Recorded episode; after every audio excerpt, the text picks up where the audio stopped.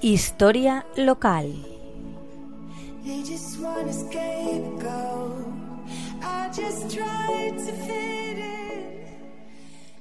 Buenas tardes, amigos y amigas de la Tegua Radio. Hoy nos toca hablar de la descripción que el botánico Cabanilles hace del pueblo de Monóvar, que todavía no tenía el título de ciudad, y de su pedanía El Pinoso, que estaba asociada a él. Nos dice así, hállase Monóvar en la falda de una colina expuesta al mediodía y se prolonga de oriente a poniente 1568 varas.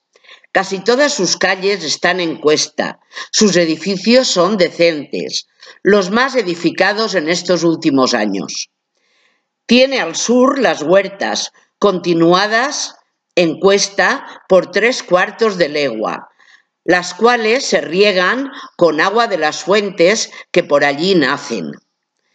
Dista legua y media de Novelda, que le cae al sudeste, una corta de Elda hacia el nordeste y dos de Salinas, seis de Yecla, siete de Jumilla y seis de Abanilla, pueblos del reino de Murcia, y nueve de Orihuela, caminando al sur.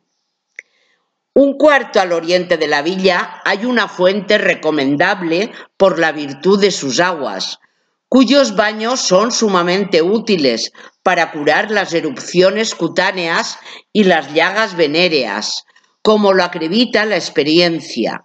Mas no hay comodidad alguna para bañarse, y los que lo necesitan se ven precisados a entrar en el estanque conocido con el nombre de charco amargo, donde se acoplan dichas aguas. Tres leguas al sudeste de Monóvar está el Pinoso y un cuarto antes el monte llamado Cerro de la Sal.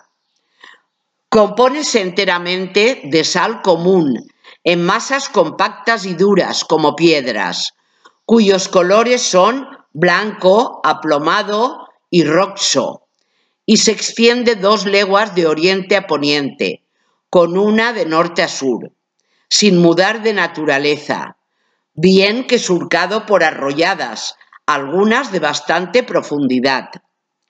Su mayor altura pasará de 200 pies.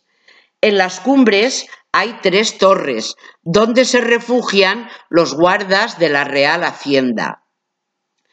Nacen en aquel recinto seis fuentes, las cuatro de agua salada, la dulce de las restantes y la de lluvias que al pasar por la sal se van cargando de partículas que dejan sobre varios cuerpos al evaporarse, resultando de allí mil figuras según las diversas formas de los cuerpos que naturalmente encuentran o que de intento se les preparan.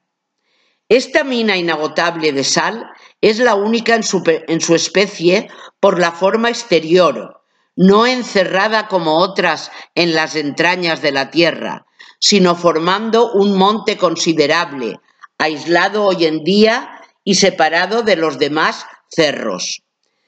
Su figura redondeada, sus barrancos y la prolongación de las raíces son efectos de las lluvias por muchos siglos.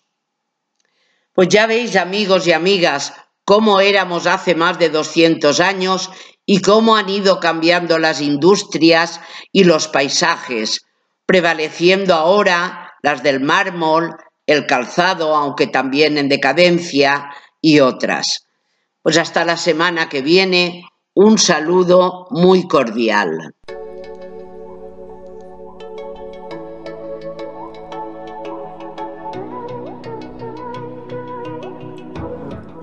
Historia local.